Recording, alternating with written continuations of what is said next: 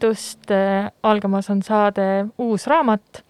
Ja kohe alustuseks kuulame minuti-poolteist Lawrence Ferlinghetit oma luuletust autobiography lugemas.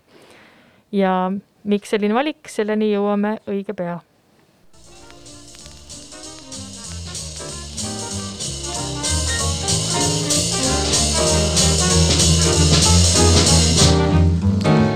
leading a quiet life in Mike's place every day, watching the champs of the Dante billiard parlor and the French pinball addicts.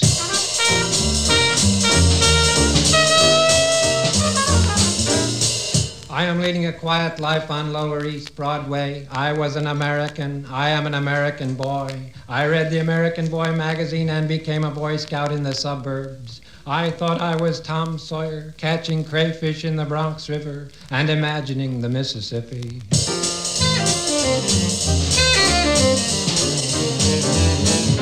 I had a baseball mitt and an American flyer bike. I delivered the Woman's Home Companion at five in the afternoon or the Herald Trib at five in the morning. I still can hear the paper thump on lost porches.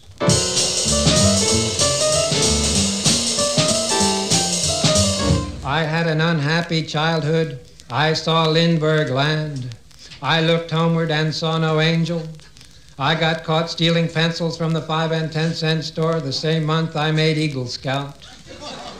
I chopped trees for the CCC and sat on them. I landed in Normandy in a rowboat that turned over.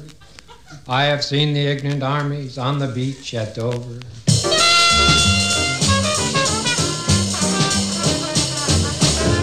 Seen nii, see oli siis Lawrence Ferlinghetti lugemas oma luuletust Autobiography. võib juhtuda, et me hiljem kuulame veidi edasi, aga täna on meil külas eh, Rein Raud, tere! tervist! kes on eh, saanud eh, sellise suurepärase teoga hakkama, et ta on kirjastanud Ferlinghetti meelelunapargi eesti keelde jah, selle on tõlkinud Peeter Sauter, aga äh, ma olen seda toimetanud natukene ja siis äh, meie väike kirjastus Salv, mis äh, annab välja muuhulgas ka äh, head tõlkeluulet äh,, on võtnud tõesti selle raamatu ette. see on äh, suurepärane äh,, suur tänu selle eest. et äh, ma olen jõudnud siit-sealt seda lugeda ja peab ütlema, et äh, kuigi Ferlinghetti ise ei taha ennast äh, beatluuletajana identifitseerida, siis äh, üks osa ka see, see näide, mida me hetkel ka kuulasime, annab äh, justkui aimu, et miks teda siiski võiks sinna paigutada. ja üks osa siis sellest raamatust, Meelelunapark, on samuti mõeldud džässmuusika taustal lugemiseks ja mulle just tundus, et see on väga rütmiline ja ta kuidagi väga, väga sobitub sinna jah, aga samas näiteks, kui ma kuulan praegu Ferlinghetit seda lugemas, eh, siis see mingi niisugune teatav laulvus, mis tema hääles on, eh, see eh, minu jaoks esindab ikkagi mingit niisugust noh, natukene ütleme teistsugust luulekultuuri ja võib-olla ka sellist äh, Itaalia-Prantsuse äh, pärandit, mis on tal veres ja mis on tal kultuuris, sellepärast et ehkki, ehkki noh, viit põlvkonda üldiselt seo-, seostatakse just niisuguse noh, nagu mässumeelega, mis tahab jätta nagu kõik varasema nagu kõrvale või nagu võtta seda mitte nii väga tõsiselt ja kuidagi nagu elada seda elu, mitte tunnistada mingeid kultuurihierarhiaid, siis Ferlinghetti on tõesti nagu selles mõttes erandlik selle seltskonna sees,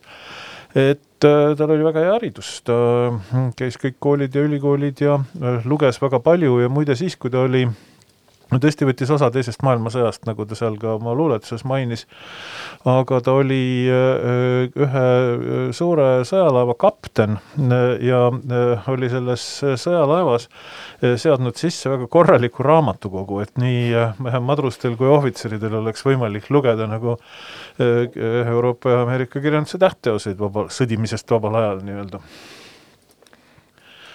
et äh, selles mõttes ta äh, jah, pisut eristub mm, ning see niisugune ta minu meelest, minu jaoks ta selles ongi just tegelikult kõige sümpaatsem, et ta ühendab endas selle niisuguse parima, mis maailmakultuuril meie päevil anda on ja ühtlasi selle niisuguse natukene mässulise vaimu kõige niisuguse kivistunu ja oma aja äraelanu vastu jah, jõudsid sinna välja, mis ma just tahtsin öelda, et mässumeelsus samas tema luules ju on täitsa olemas.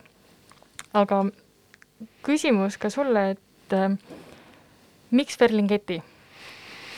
Noh, meil on selles kirjastuses Salv selline komme, et anname välja neid raamatuid, mis on meile endile eriti tähtsad. Ja Ferlingeti on minu elus olnud üsna olulisel kohal seetõttu, et ma avastasin ta ise kuskil niimoodi Äh, no mis ma siis võisin olla, viieteistaastane, mm, et äh, kuidagi oli läinud nii, et äh, minu kätte oli sattunud mu isa äh, Teaduste Akadeemia raamatukogu lugejapilet ja äh, need tädid seal raamatukogus tundsid mind ka juba ja ei pannud nagu pahaks, et ma kirjutasin sinna äh, saate või, või nendele nõudelehtedele oma isa nime peale, ikka tõid mulle neid raamatuid ja ma sain neid ka koju kaasa võtta ja Ferlingeti oli seal hulgas. Äh, olin just enne seda nagu lugenud äh, Jack Kerouaki raamatut Teel, äh, mis on ka ju Peeter Sauteri tõlkes eesti keeles ilmunud juba ammu ja see Äh, noh, ütleme siis äh, oli väga eakohane raamat, mulle väga meeldis ja siis mõtlesin, et no nii, äh, vaatame siis, kes seal seltskonnas veel on olnud ja siis hakkasin vaatama, ahaa, Allan Ginsberg, Lawrence Ferlinghetti. Ginsbergi ei olnud, Ferlinghetti oli, võtsin selle meelelunapargi sealt raamatukogust välja, tegin keskelt lahti, lugesin ja täiesti, ma ütleksin, jäi karp lahti, tähendab see äh, nii meeldis mulle tegime pärast äh, koolis poistega luuleõhtu sellest ja, ja, ja kõike ja ma kirjutasin päris suure hulga seda lihtsalt käsitsi ümber ja, ja, ja mõned luuletused on siiamaale peas või, või luuletuse jupid. ja kui ma siis äh, juhtumisi kuulsin, et äh, Peeter on, jah, keegi ütles mulle, et Peeter on äh, Facebookis kirjutanud, et ta loeb äh, ette seda äh, Ferlingetit kellelegi nagu niimoodi, võtab seda inglisekeelset teksti ja loeb seda, tõlgib seda niimoodi käigu pealt eesti keelde, siis küsisin ta käest, et kas ta poleks nõus ka kirja panema ja, ja meile trükki andma ja siis nii see läks. ja mul on väga hea meel, et see on lõpuks eesti keeles olemas. väga äge eh, teekond, mis sellel raamatul on eesti keelde ilmumiseks olnud. kas ähm, Ferlinghetti ise on, et nagu sa ütlesid, ta on äh, haritud või haritlase taustaga, haritud mees, ta on ka ise kirjastaja ja raamatupoodnik, et ähm, kui ma ei eksi, siis seesama raamat ilmuski tema enda kirjastuse alt see vist on äh, ilmunud New Directionsis nagu äh, algupäraselt, aga praegu on seal õigused on City Lightsil jah mm. -hmm. City Lights äh, San Franciscos äh, ja äh, see on ka tõenäoliselt üks põhjus, miks äh, kõik mainivad Ferlinghetit kohe esimeste hulgas, kui jutt läheb Beat põlvkonna peale, sellepärast et äh, City Lights lihtsalt andis välja äh, Beat põlvkonna äh, mitmed kõige olulisemad ja ka mõned kõige skandaalsemad tekstid, näiteks siis kui Ginsbergi ulg ilmus seal City Lightsis, siis Ferlinghetti pidi kohut käima, sellepärast et toonase Ameerika üldsuse jaoks tundus see kuidagi ebatsensuurne ja ja liiga, äh, liiga piire ületav luule. Äh, praegu loeme, vaatame, et nagu midagi erilist eks ole. aga äh, nii see on, sellepärast et tegelikult see, mida Ginsberg, Ferlinghetti ja Kerouac ja, ja, ja Corso ja teised tegid, tegelikult tohutu pööre üldse kogu selles Ameerika kultuurilises süsteemis, et mingitest tabudest lihtsalt Nad vaatasid mööda ja astusid üle ja ja nendest sai, tähendab nagu see, see küsib, noh, väga sageli on ju niimoodi, et mingis kultuuris nagu kõik teevad mingeid asju, mida tegelikult kellelegi ei ole vaja, mis on kõikidele tüütud ja piinlikud, aga noh, niimoodi on kogu aeg olnud ja, ja niimoodi seetõttu tehakse ja siis, kui keegi, mingi lapsesuu tõuseb püsti ja ütleb, et äh, kuulge, aga miks me seda õieti teeme? Äh,, siis äh, pärast seda äh, teised ütlevad, tõsi jaa, vot mina ka olen kogu aeg mõelnud, miks me kogu aeg niimoodi teeme. ja sellest sünnibki kultuuriline pööre ja noh, nii nagu ka siin Ferlinghetti, Ginsberg ja, ja teised San Franciscos selle ette võtsid, nii on ta, nii on ta läinud. tuleb sellega kohe meelde, et ähm, siin luulekogus on üks äh, pikematest luuletustest nimega Brückari Obligato, mis äh, äh, mulle endale tundub, illustreerib seda, mida sa just ütlesid, et äh, et tekitatakse nagu küsimusi või äh, selle kohta, et mis, mis meil siin hetkel toimub, et siin see on küll äh, võib-olla nagu äh, liiga radikaalne, aga samas noh, eks ta on selline irooniline äh, vaade. ma loen siit hetke või ühe osa hetkes on liiga pikk, et siin täismahus lugeda, aga näiteks kaame siit, tulge, hakkame astuma, teeme taskud tühjaks ja tõmbame uttu.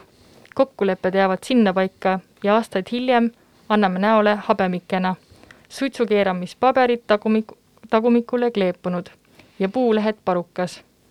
ärgem tehkem välja maksmata arvetest ja maksudest las tulevad ja tassivad minema kogu järe, järelmaksu nodi ja mis sai liisitud ja meid endid koos sellega.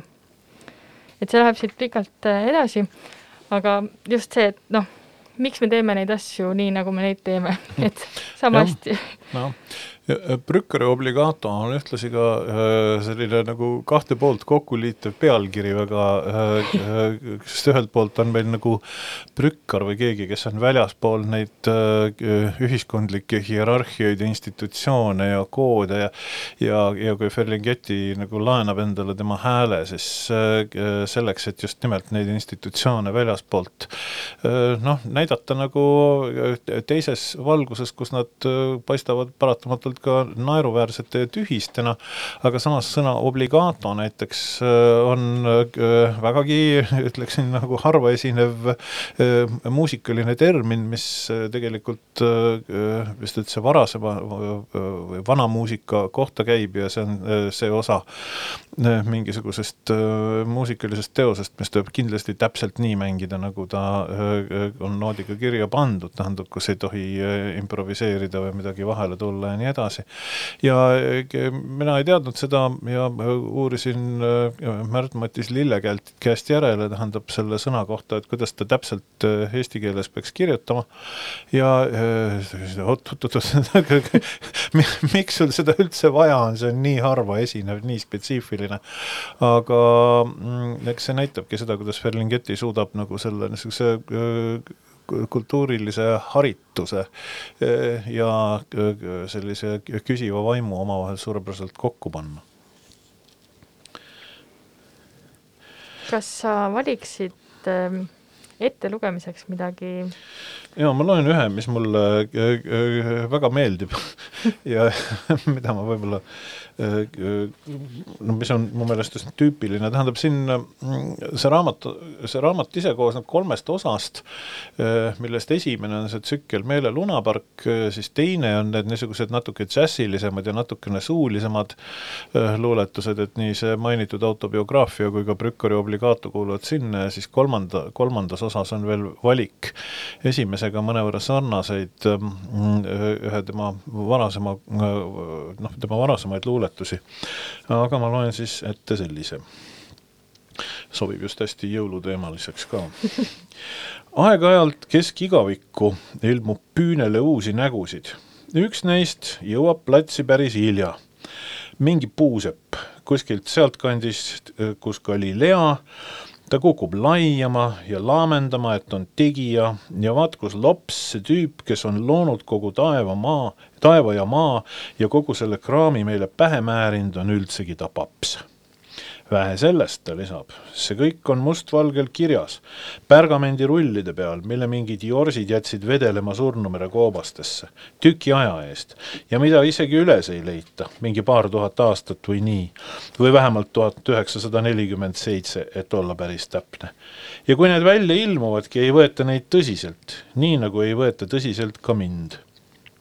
Võta nüüd vabalt, öeldakse sellile ja ta jahutatakse maha ta riputatakse puu otsa jahtuma. ja sellest ajast peale kõik muudkui nikerdavad selle puu moodi jublakaid sell peal rippumas ja hüüavad selli nime ja kutsuvad teda alla istuma nende kambas, nagu tema olekski see ilge kunn, kes peab peo käima tõmbama või ei saagi asja. aga tüüp ei anna näole, muudkui ripub puu otsas. no ei tule mees oma puu otsast alla näeb täiega kudend välja ja täiega jahe ja ühtlasi tavalistest ebausaldusväärsetest allikatest pärit uuemate uudiste kokkuvõtte kohaselt surnud, mis surnud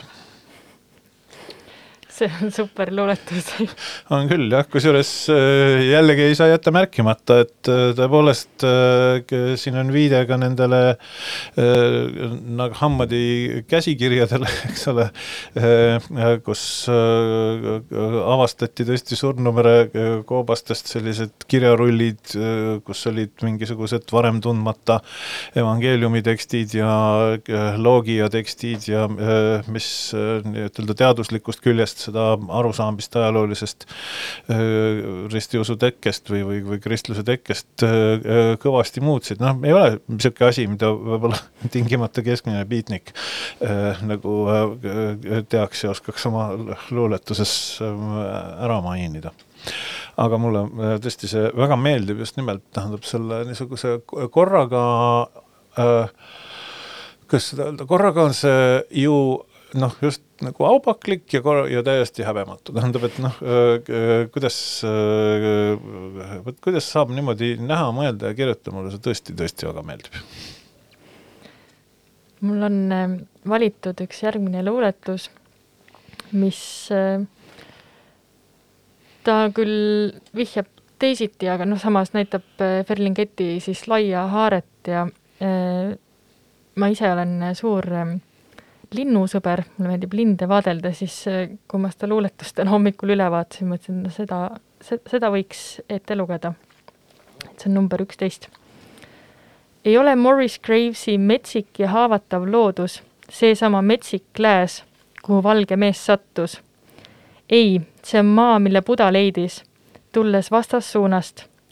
see on põhjamaise hullunud enesesse puurimine, puurimise metsik valge pesa kus sisesilma pistrikud sukelduvad ja surevad, lastes läbi silma eest kogu elu katva mälu eksistentsiaalseid pilte. ja jõuavad kriitvalge tiiva otsaga tõmmata tinasele taevale veel tuhat põimunud mustrit oma lennujoont. öö on neil pimedatel kriiskejatel päris kodu. Need hingelinnud verest valgeks voolanud tiibadega.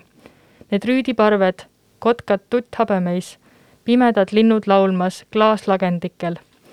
Need kuutõbised luiged ja ekstaatilised haned, lõksus rabelevad haigrud, süsimustad kakud, jälitavad kilpkonna mustrite sümboleid. Need roosad kalad mägedes, õgijad pesi punumas. valgesulgsed piiritajad paaritumas õhus, tontlikus kuu valguses. jämejalg seal sukeldumas kuldhoovusesse kalale ja iibis toitumas omaenda verest. ja seal hulgub ringi ka Kannemaara kurivaim, elu suurune. ja siis need tummalt laperdavad linnud, kandes kalu ja paberil sõnumeid, just kesk kahte hoovust, mis ongi need omavahel paaris unustuse hoovused, kust pöörane fantaasia nägemuse välkvalguses enda leiab keset saarte rägu, ikka hullununa ja ikka näljasena nüüd muidugi, kui ma seda kõva häälega loen, siis ma saan aru, kui palju idamaiseid äh, allsõnumeid siin on. Jah, see on tegelikult see niisugune, äh, see on üks asi, mis äh, beat-generatsiooniga äh, Ameerika kultuuri noh, nagu väljale osaliselt tuli äh, seetõttu, et äh, Ameerika ju mm, võitis teises maailmasõjas äh, Jaapanit ja suurema, suurem osa Ameerika seda niisugust sõdimist oli just nimelt Aasia suunal ja äh, kuigi äh, ühest küljest noh, äh, neil osutus võimalikuks jaapanlased alistada ja, ja aga ja noh, tohutut hävingut sellega ka ühtlasi põhjustades, eks ole, esimesed aatomipommid ja nii.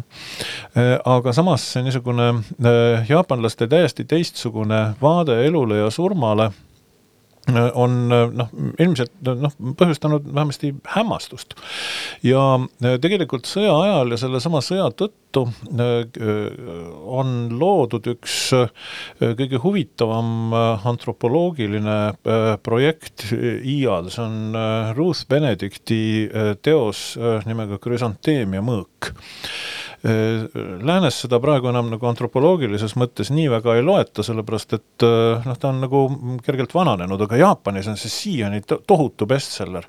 Äh, just nimelt seetõttu, et see on vaenlase kirjutatud, see on vaenlase kirjutatud, aga nii tohutu respektiga teise kultuuri vastu ja nii suure katsega mõista Benedikt ei olnud tegelikult äh, kunagi Jaapanis käinud, äh, puutus kokku ainult äh, nende interneeritud jaapanlastega ja siis ka missionäridega, kes olid üritanud Jaapanisse ristiusku levitada. ja lihtsalt intervjueeris neid ja, ja pani sellest kokku nagu ma ütleksin selle aja kohta ikkagi täiesti hämmastava pildi Jaapani kultuurilistest väärtustest ja sellest noh, kuidas jaapanlased elavad ja maailma näevad ja see oli äh, ameeriklaste suur šokk, äh, sest see oli äh, midagi täiesti teistsugust. Ja ütleme siis nii, et kui Suzuki raamatud zen-budismist samuti hakkasid Ameerikas levima ja ütleme ka Alan Watts ja, ja mitmed teised hakkasid nagu nägema tegelikult nendes Aasia filosoofiates mingit teatavat noh, alternatiivi või teatavat niisugust teistsugust Äh, vaadet elule, äh, mis on, mis on samuti ühest teisest kohast nagu näitab neid meie institutsioone ja harjumusi ja kõike nagu natukene naeruväärsete või, või sihukeste oma aja äraelanutena. Äh, siis ähm, beatnikute hulgas oli päris mitmeid, kes äh, selle vastu suurt huvi tundsid ja ütleme, hipid juba siis äh, üks generatsioon hiljem äh, olid, ähm, nende hulgas oli väga palju neid, kes tõesti rändasidki Indiasse ja, ja otsisid mingit niisugust vaimset vabadust ja distsipliini kuskilt mujalt kui oma tavapärastest eluviisidest ja ja see oli mingis mõttes selline periood, periood, kus ähm, Ameerika kultuur oli noh, nagu teistsugusele kultuurilisele mõtlemisele palju avatum, äh, noh, ma arvan, kui praegu. Äh, ja tõesti seetõttu mitte üksnes Ferlingetil, me leiame ka noh, teistel päris palju sellist niisugust, ei olnud ka mingit veel kommertsialiseerumist läbi teinud, mingi zen, sõna zen ei kasutatud veel minimalistliku elutoamööbli reklaamimiseks, ütleme nii. et see noh, oli see, see selline noh, dialoogi algus on alati ausam kui tema keskpaik ja lõpp. tõsi ta on. kas äh, soovid sa veel ette lugeda? ja ma siin äh, vaatasin, siin on mitu tükki tegelikult ähm, äh,, mida, mille vahel ongi isegi täitsa äh, nagu raske valida aga ma arvan, et ma loen ühe, mis mulle ka väga meeldib see on üks neist surematuist maalidest. kui kord see sõjakas pilt siia ilma sündis, keeldus ta lahkumast pliiatsi tinaga kaetud pinnalt. ükskõik kui palju kordi kunstnik ka ei püüdnud teda hävitada. ülemaalimisest polnud tolku, pilt tuli ikka tagasi, läbi lõuendi ja puidu ja tulles röökis talle hirmsat unelaulu, kus iga voodi oli haud mineeritud ebamaiste äratuskelladega, mis plärisesid ühtviisi nii armunuile kui uinunuile. suurepärane ehm.. Jah, see raamat on kuidagi äh, hämmastavalt kaasaegne selles mõttes, et äh, praegu, kus jälle on mingi niisugune äh, hull konservatiivse populismi laine nagu üle pea kokku löönud, on sellisest psühhedeelsest sürrealismist ja institutsioonikriitikast, ma arvan, nagu abi vaimse tervise säilitamisel. absoluutselt. ja mis meil jäi veel enne mainimata, ma võtsin praegu selle raamatu tagumise kaasa, kaane ette, et Ferlinghetti, kes on sündinud tuhat üheksasada üheksateist, on endiselt täie tervise juures. just, saja ühe aastane, nii et äh, nagu äh, hea näide sellest, missugune eluviis äh, aitab äh, jõuda kõrge eani. ja raamat on ise muide, see on äh,, selles mõttes on ju üsna haruldane, et kui äh, luulet tõlgitakse, siis sageli võetakse ette nagu äh, ühes keeles nagu teise luuletaja nagu kõik kogud ja vaadatakse siit natukene ja sealt natukene ja meie äh, salvekirjastuse teiste, teised raamatud raamatud äh, üldiselt järgivad ka seda põhimõtet, aga Meele lunapark on selline, selline raamat, mida on äh, tervikuna tõlgitud kümnesse keelde, eesti keel on kümnes ja müüdud on teda üldse üle miljoni eksemplari, nii et äh, on mujal maailmas oma lugeja ilusti üles leidnud ja loodetavasti leiab Eestis ka. ja meil on saate teises pooles veel üks luulekogu ees, ehm, Paul Seelani Tema seljas ratsutas öö, aga enne veel teeme väikse muusikalise vahepala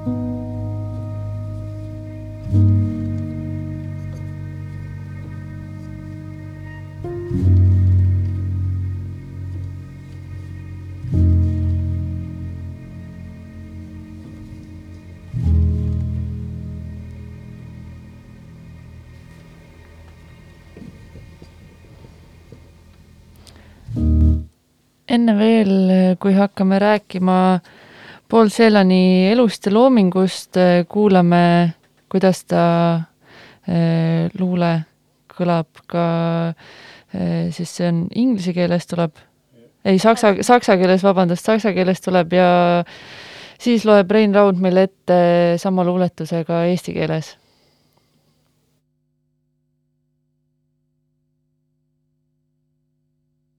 Corona. Aus der Hand frisst der Herbst mir sein Blatt. Wir sind Freunde. Wir schälen die Zeit aus den Nüssen und lehren sie gehen. Die Zeit kehrt zurück in die Schale. Im Spiegel ist Sonntag, im Traum wird geschlafen, der Mund redet wahr.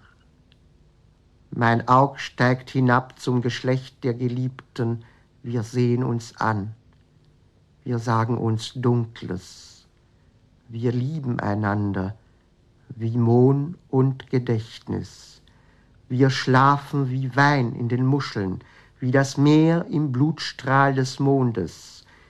Wir stehen umschlungen im Fenster, sie sehen uns zu von der Straße.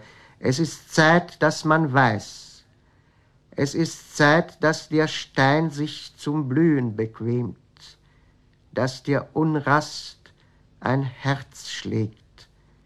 Es ist Zeit, dass es Zeit wird. Es ist Zeit. koroona. sügis sööb oma lehe mu käest, me ju sõbrad. aja koorime pähklitest välja ja õpetame ta käima ja aeg läheb tagasi koorde peeglis on pühapäev, unes saab magada, suu räägib tõtt. Minu silm laskub alla sinna, kus armsama häbe, me näeme teineteist, lausume tumedaid sõnu, teineteist armastame just nagu moon ja mälu, magame nagu vein teokarpides, nagu kuupaiste verejoas meri. me seisame põimunult aknal, paistame tänavalt ära, käes on aeg, et kõik teaks, käes on aeg, et kivi õitsema harjuks, et rahutuse ees tuksuks süda. Käes on aeg, et taas oleks aeg, käes on aeg. jah, Paul Celan siis on samal ajal peaaegu sündinud kui Ferlinghetti aastase vahega. aga nende luule on täiesti erinev, muidugi kohad, kust nad pärinevad, on ka mm, üksteisest väga kaugel, Paul Celan oli siis äh, äh, on raske öelda, eks ole, öelda, kus mis- riigist, seda me ei saa ka päriselt öelda, tähendab, me saame öelda, et ta on pärit Bukoviinast ja ja Bukoviina on territoorium, mis ähm, vist nagu, kas see oli siis enam-vähem tema sünniaastal või midagi, tähendab, toimus seal mingisuguseid nihkumisi. kunagi oli olnud Austria-Ungari keisririigi osa, siis oli tema Rumeenia osa, siis oli tema Saksamaa osa, siis oli tema Ukraina osa ja kõik need keeled on seal ka öö, üksteisega segamini, tähendab, Tselan on ise juudi päritolu, tema õige perekonnanimi on Antsel, aga ta vahetas need kaks silpi omavahel ära hiljem ja sai Tšell Anniks. Ja tema kodukeel on olnud saksa keel, eriti ema on tal olnud suur saksa kultuuri või saksa kultuuripärandi ja traditsiooni austaja. siis ta on käinud ka heebreakeelses koolis ja vist ka ukrainakeelses ja rumeeniakeelses ja hiljem on ta prantsuse keele praktiliselt samal tasemel omandanud nagu emakeelegi ja väga palju kirjutanud ka või nagu elanud Prantsusmaal, nii et no on selline, ei saa öelda jah, kust ta päriselt pärit on, aga ütleme siis nii, et Euroopa luuletaja, üks kahekümnenda sajandi suurimaid. ja, ja mis on tema eellugu, et kuidas ta sai eh, valituks, et, et olla salves tõlgitud? jah, see raamat jälle sündis jälle nagu veidi teistmoodi, ma, mul on Tselaniga ka väga noh, niisugune pikk isiklik suhe olnud, tähendab, ta on mulle ka varem väga meeldinud ja ma olen teda lihtsalt oma lõbuks niimoodi teinekord hommikuti tee joomise kõrvale tõlkinud või proovinud tõlkida mingi ühe, teise, kolmanda luuletuse ja nii edasi ja siis neid nagu kogunes mingi hulk. ja siis äh, mingil hetkel me hakkasime Aare Pilvega arutama, et äh, Tselanit on ju tegelikult eesti keelde ka teised tõlkinud, on siin Ain Kaalepi tõlkeid ja Tõnis Tatari tõlkeid, Aadu Hurda tõlkeid on ilmunud kunagi seal ühtesid Vikerkaares, teises Ninnikus on ilmunud, et võtaks äkki kokku ja vaataks, tähendab, et ähm, et võib-olla tuleb juba täitsa nagu mingi, mingi raamatu jagu välja, et hakkasime neid vaatama ja siis kuidagiviisi innustusime väga ja siis saatsime üksteisele nagu ka oma avaldamata tõlkeid vaadata ja nii edasi ja, ja, ja siis äh, mingil hetkel otsustasime lihtsalt, et äh, saame kokku äh,, võtame nagu mitu päeva aega ja tõesti istusime hommikust õhtuni äh, nende tõlgetega äh, kõikvõimalikud sõnaraamatud, teatmeteosed, muud asjad äh, juures ja siis äh, need tõlked kuidagi äh, sulasid nii üksteisesse, et äh, et mõne tõlke, ma täiesti ausalt ütlen, ma teen praegu kuskilt just eriti raamatu tagumisest otsast lahti ja ma vaatan seda ja ma ei tea, kas see oli kõigepealt Aare tõlgitud või minu tõlgitud ja äh, sest nad ongi lihtsalt muutunud nii noh, ühistööks, et siin on, tõsi küll, siin on mõned niisugused luuletused ka, kus noh, ei ole selle protsessi käigus eriti muutunud sellest tõlkest suurt midagi aga me lõpuks otsustasime, et ei ole mõtet hakata äh, luuletuste järel isegi seda märkima, et kelle tõlge see on, sellepärast et äh, suuremalt jaolt on nad, äh, ongi just sündinud niisuguses ühistöös ja siis muidugi ei olnud enam kuidagi sobiv siia hakata juurde võtma kolmandaid tõlkijaid või kolmandate tõlkijate tekste, kes ise selles protsessis ei olnud kuidagi äh, osalenud. aga äh, ega me muidugi hea meelega ei oleks salves andnud välja nagu kahte äh, nii erinevat ja vastandlikku tõlkeluulekogu peaaegu korraga, aga äh, tõepoolest äh, tänavu möödub sada aastat äh, Paul Celani äh, sünnist ja viiskümmend aastat tema surmast mm,. ta läks vabasurma äh, äh, Pariisis viiskümmend aastat tagasi või siis just viiekümneseks saanud. Ja äh, seetõttu äh, kuidagiviisi mõtlesime, et äh, on ikkagi vaja äh, seda daatumit äh, ära märkida ja see meie väike pisikene raamat on selline noh, loodetavasti see on üks noh, lihtsalt üks verstapost nagu eestikeelse Tselani teel ja et seda tuleb veel ja veel, sellepärast et noh, see on üks, see on üks niisugune ammendamatu varaait, kui Tselani luulesse sisened, siis äh, sinna võib vabalt jäädagi. mina olen küll lugenud ainult selle luulekogu äh, luuletusi, mis äh, on kõik küllaltki äh, sünged või sellise mingi tume loor on kuidagi seal äh, peal. kas äh, tema ülejäänud luule on ka sarnane või see oli tal lihtsalt mingisugune periood? ei, meil on tegelikult siin kogumikus on äh, kõige varasematest kuni äh, kõige hilisemateni välja ja, ja tundub, et siin mingi niisugune äh, teatav sisemine arengujoon on, on ju ikkagi märgatav, tähendab mm. esimesed luuletused, nende seas on isegi mitmeid selliseid, mis on veel riimis või vähemalt on väga selgesti aimatav rütm ja mm, me oleme nagu väga kindlalt tahtnud seda rütmi alati edasi anda. Aga mida edasi tähendab, seda äh, äh, rohkem see keel nagu äh, korraga täpsustub ja laguneb kätte ära, tähendab Celani üks niisugune kandev motivatsioon on see, et ta on, eks ole, Bukovinas üles kasvanud just nimelt sellise saksakeelse kultuuri kandjana, hoolimata sellest, et juudi rahvusest, aga natsid tapsid sõja ajal ära tema pere ja siis ta on ise öelnud, et tema emakeel järsku osutus äh, mõrtsuka keeleks või no tähendab mördersprache, see mõrtsukate keel või mõrvarite keel. Ja ta äh, kaotas nagu kontakti oma keelega, ta ei saanud nagu seda rääkida äh, või, või nagu ei saanud selles ennast oma, oma sisemisi tundeid äh, selles niimoodi äh, vabalt ja, ja ausalt väljendada ja tegelikult see Ceyloni luule on üks niisugune rännak äh, nagu noh, ütleme siis tagasi keele juurde või tagasi keele sügavusse. Äh, ja ma, mulle tundub, et ta on sinna lõpuks jõudnud või igatahes tema see luule niisugune areng äh, näitab küll, kuidas, äh, kuidas see suhe keelega kogu aeg muutub, aga ta on ka äh, noh, mida edasi tähendab, seda raskemaks läheb tema tõlkimine, tähendab nagu hiline tseelan on, on, on, on keerulisem kui varane, kuigi ka varane ei ole üldse mitte alati lihtne ja arusaadav. aga tseelan ise tähendab, kui keegi küsis, et no keegi oli küsinud ta käest, et, et noh, et et see on niisugune hämar värk, mis te kirjutate, et noh, et noh, muidugi seletate võib-olla seda või et Selen oli vaadanud ja ütelnud, et ei, aga te lugege, te lihtsalt lugege veel ja veel ja veel ja, ja küll siis arusaamine ka tuleb.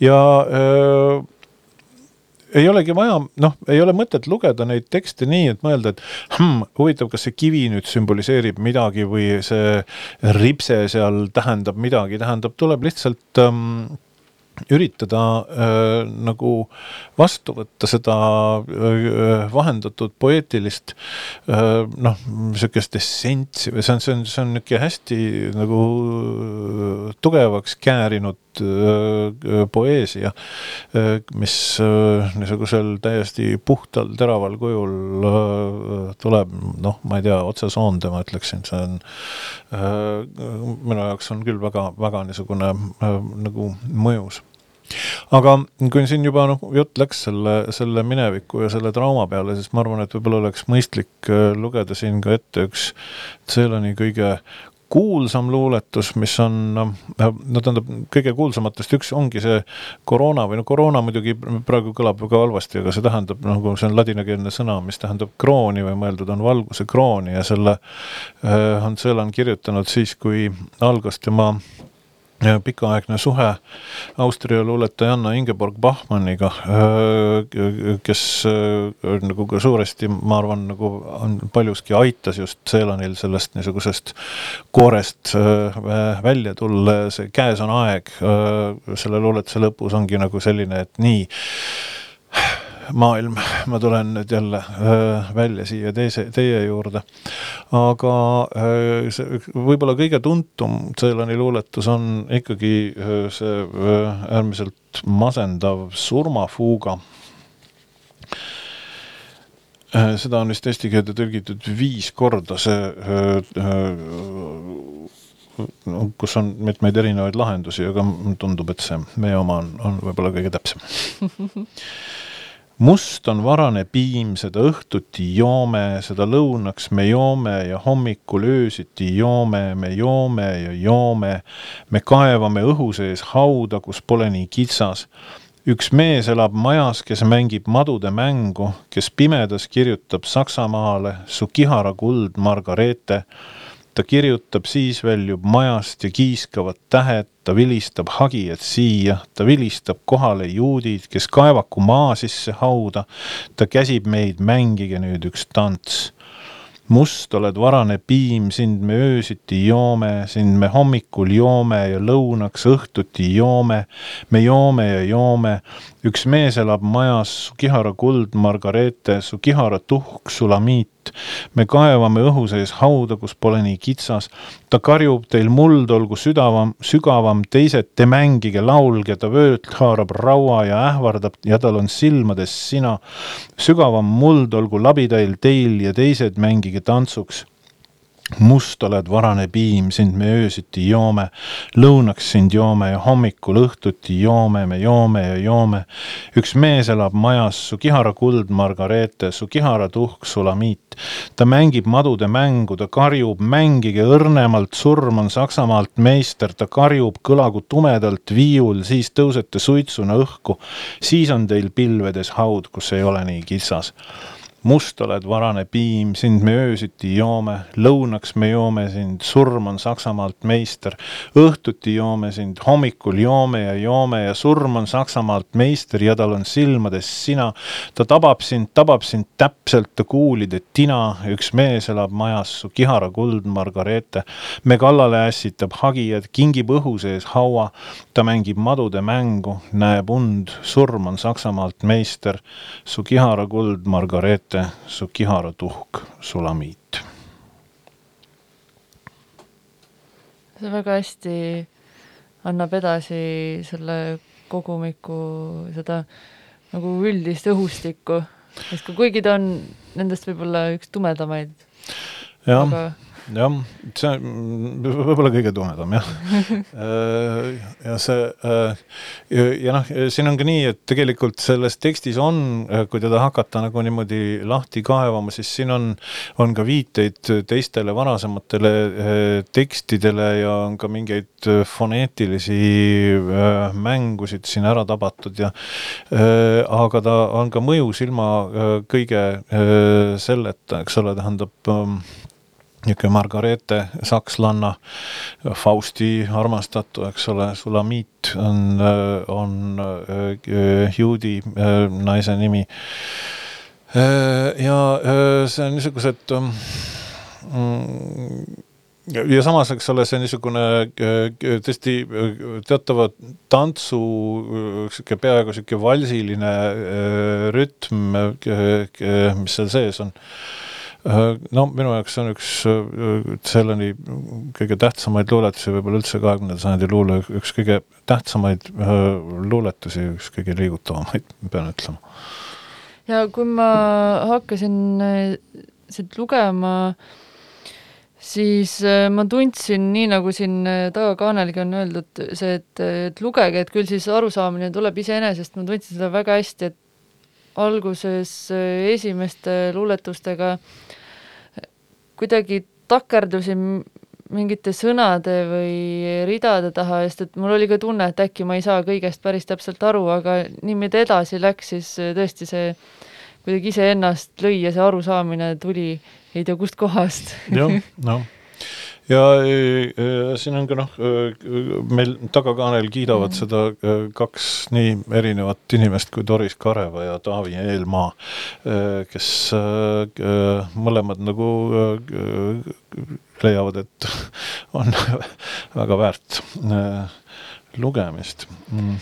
ma loeks ka ühe, ühe ette, mis mulle kuidagi tekitas mingi tunde, et see peab siin ette loetama, nii heledad kivid lähevad läbi õhu, helevalged valguse toojad. Nad ei taha alla tulla, pudeneda, tabada, nad lähevad lahti nagu tavalised kibuvitsad.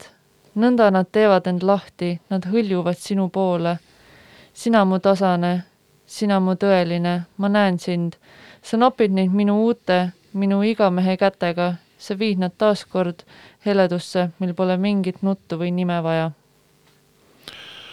jah, et Sellani elus on noh, nagu kaks naist olnud väga niisuguse äh, erilisel kohal, üks on äh, see juba mainitud luuletajanna Ingeborg Bachmann. Äh,, kunagi ma hea meelega loodan, loodan, et võib-olla õnnestub meil ka Ingeborg Bachmanni äh, luulekogu eesti keeles välja anda. Äh, ja äh, Äh, ja Bachmanniga nad, neil oli äh, selline nagu äh, pikk ja segane suhe selles mõttes, et nad kuidagiviisi ei suutnud koos elada, aga siis läksid omavahel lahku ja siis Celan abiellus, tema abikaasa oli üks prantsuse kunstnik, neil olid lapsed, seal oli, aga seal oli ikkagi see ilmselt see, see süngmus või tumedus, mis siin on, ei lasknud lasknud tal päriselt äh, avaneda nii kaugele või, või võib-olla see, see niisugune usalduse äh, küsimus on siin ka. Äh, hiljem jälle oli, noh, nad kohtusid uuesti Bachmanniga, noh, tähendab, jälle üks omaette, noh, peaaegu romaani kvaliteedis lugemine on Celani ja Bachmanni kirjavahetus läbi aastate, mis on ka säilinud, välja antud, kuigi mitte eesti keeles muidugi, aga aga see äh, jah, see niisugune, see sina, keda ta kõnetab, on noh, tema jaoks nagu kogu aeg kohal ja keegi nagu ilma kelleta ta nagu olla ei saa, aga, aga kes, kelle olemasolu on, on, on, on ka noh, ohtlik, eks ole, tähendab, ta ei ole niimoodi, et et, et et, et noh, nagu traditsioonilises armastusluules me teame lihtsalt seda, kuidas äh, luuletaja on oma äh, noh, väljendab oma armastust puhtalt ja on äh, ja on sellest ka mingil määral pimestatud, tähendab see, see niisugune ohtlik teispoolsus, mis selles armastatus on, temani nagu, nagu ei jõua, aga nagu noh, Selani puhul on kõik keerulisem jah, väga noh, niisugune öö, Äh, rikas ja, ja tugev ja raske tekst, aga võib-olla tõesti peaks veel lugema, tähendab, et äh, jälgima tema nõuannet. pimedasse aega sobib hästi just ka mm.. et ähm, ma loen siit alguse otsast veel ühe, mis mulle väga meeldib. asjatult maalid sa aknale südameid, vaikuse hertsog lossi ees all värbab soldateid. lipp on tal heisatud puule, üks leht talle sügisel sinav masendus kõrsi ta jaotab väele ning aja õisi, linnud on juustest tal, kui ta seal sammub ja langetab mõõgad. asjatult maalid sa aknale südameid, salkade seas on üks jumal, mähitud mantlisse, mis sinu õlgadelt libises toona trepi peal öösel kord, siis kui leegitses loss, kui sa ütlesid inimkeeli mu kallis.